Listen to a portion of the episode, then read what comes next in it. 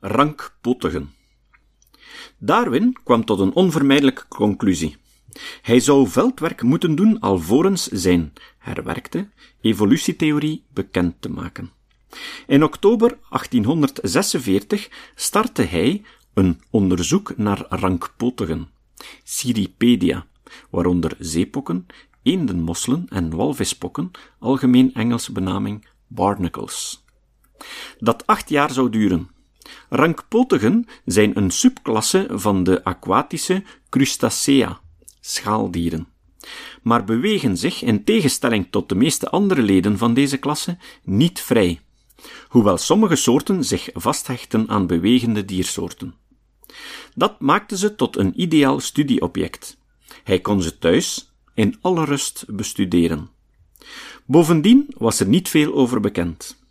Tot in de jaren twintig van de 19e eeuw werd aangenomen dat het weekdieren zijn, verwant met mosselen en slakken.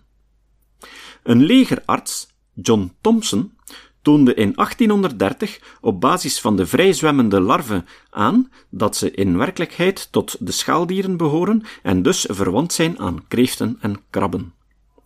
Desmond and Moore, 1991, pagina 341. Tijdens het begin van zijn onderzoek woonde hij een lezing bij van Louis Agassiz. Zie kadertekst. Waarbij deze een volledige studie van de rankpodigen, een groot disseratum, noemde. Brown, 1995, pagina 476. Darwin nam zich voor om een zo uitputtend mogelijke studie te maken. Zo wilde hij tegemoetkomen aan Hoekers opvatting dat iedereen die het soortenprobleem wilde aanpakken, met kennis van zaken moet kunnen spreken. Rankpotigen zouden voor zijn geloofsbrieven zorgen, schrijven Desmond en Moore. Een grondige studie van alle variëteiten van rankpotigen zou hem in een imponerende positie kunnen plaatsen in de discussie over natuurlijke selectie. 1991, pagina 341.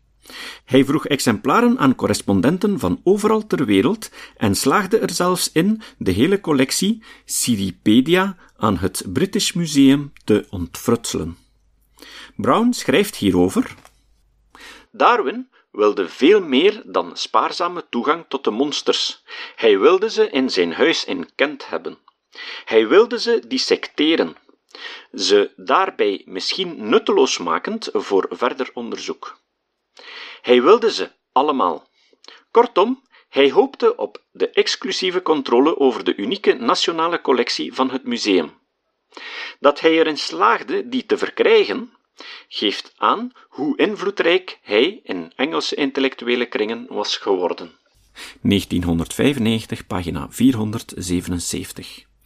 De immens rijke schelpdierenverzamelaar Hugh Cumming 1991 tot 1865, schonk hem zijn hele collectie schelpen, vele tienduizenden exemplaren en drong, net als anderen, aan op een volledig wetenschappelijk overzicht. Cumming had overal ter wereld schelpdieren vergaard, waarbij hij soms de allerlaatste levende exemplaren met zich meenam. Tenminste één soort stierf uit nadat hij voorbijgekomen was. Merken Desmond en Moore op. OC, pagina 342. Het verzamelen van organismen, levend of als fossiel, was ondertussen big business geworden. Voor zeldzame exemplaren telde men vaak fortuinen neer. Specimenjagers organiseerden zich professioneel en roofden dikwijls de laatste in het wild levende planten of dieren. In het bijzonder geldt dit voor de orchideenjagers.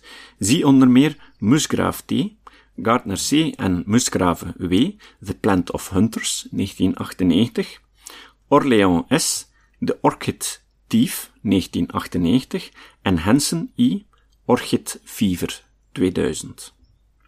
In de loop der jaren raakte Darwin zo verdiept in zijn studie dat de aanwezigheid van rankpotigen ten huize Darwin tot de normaalste zaak van de wereld ging behoren. Tenminste voor de Darwins zelf. Een van zijn kinderen vroeg aan een vriendje: Waar houdt jouw vader zijn zeepokken? In de veronderstelling verkerende dat elke volwassene zeepokken bestudeert. Brown, OC, pagina 473. Schrijver Edward Bulwer Lytton 1803-1873 beschreef in zijn roman What Will We Do With It 1858 een zekere professor Long, die zich jarenlang geobsedeerd met de studie van zeeslakken inlaat en die hiervoor ook twee dikke boeken publiceert. Niemand, ook Darwin niet, twijfelde eraan dat professor Long een karikatuur van Darwin voorstelde.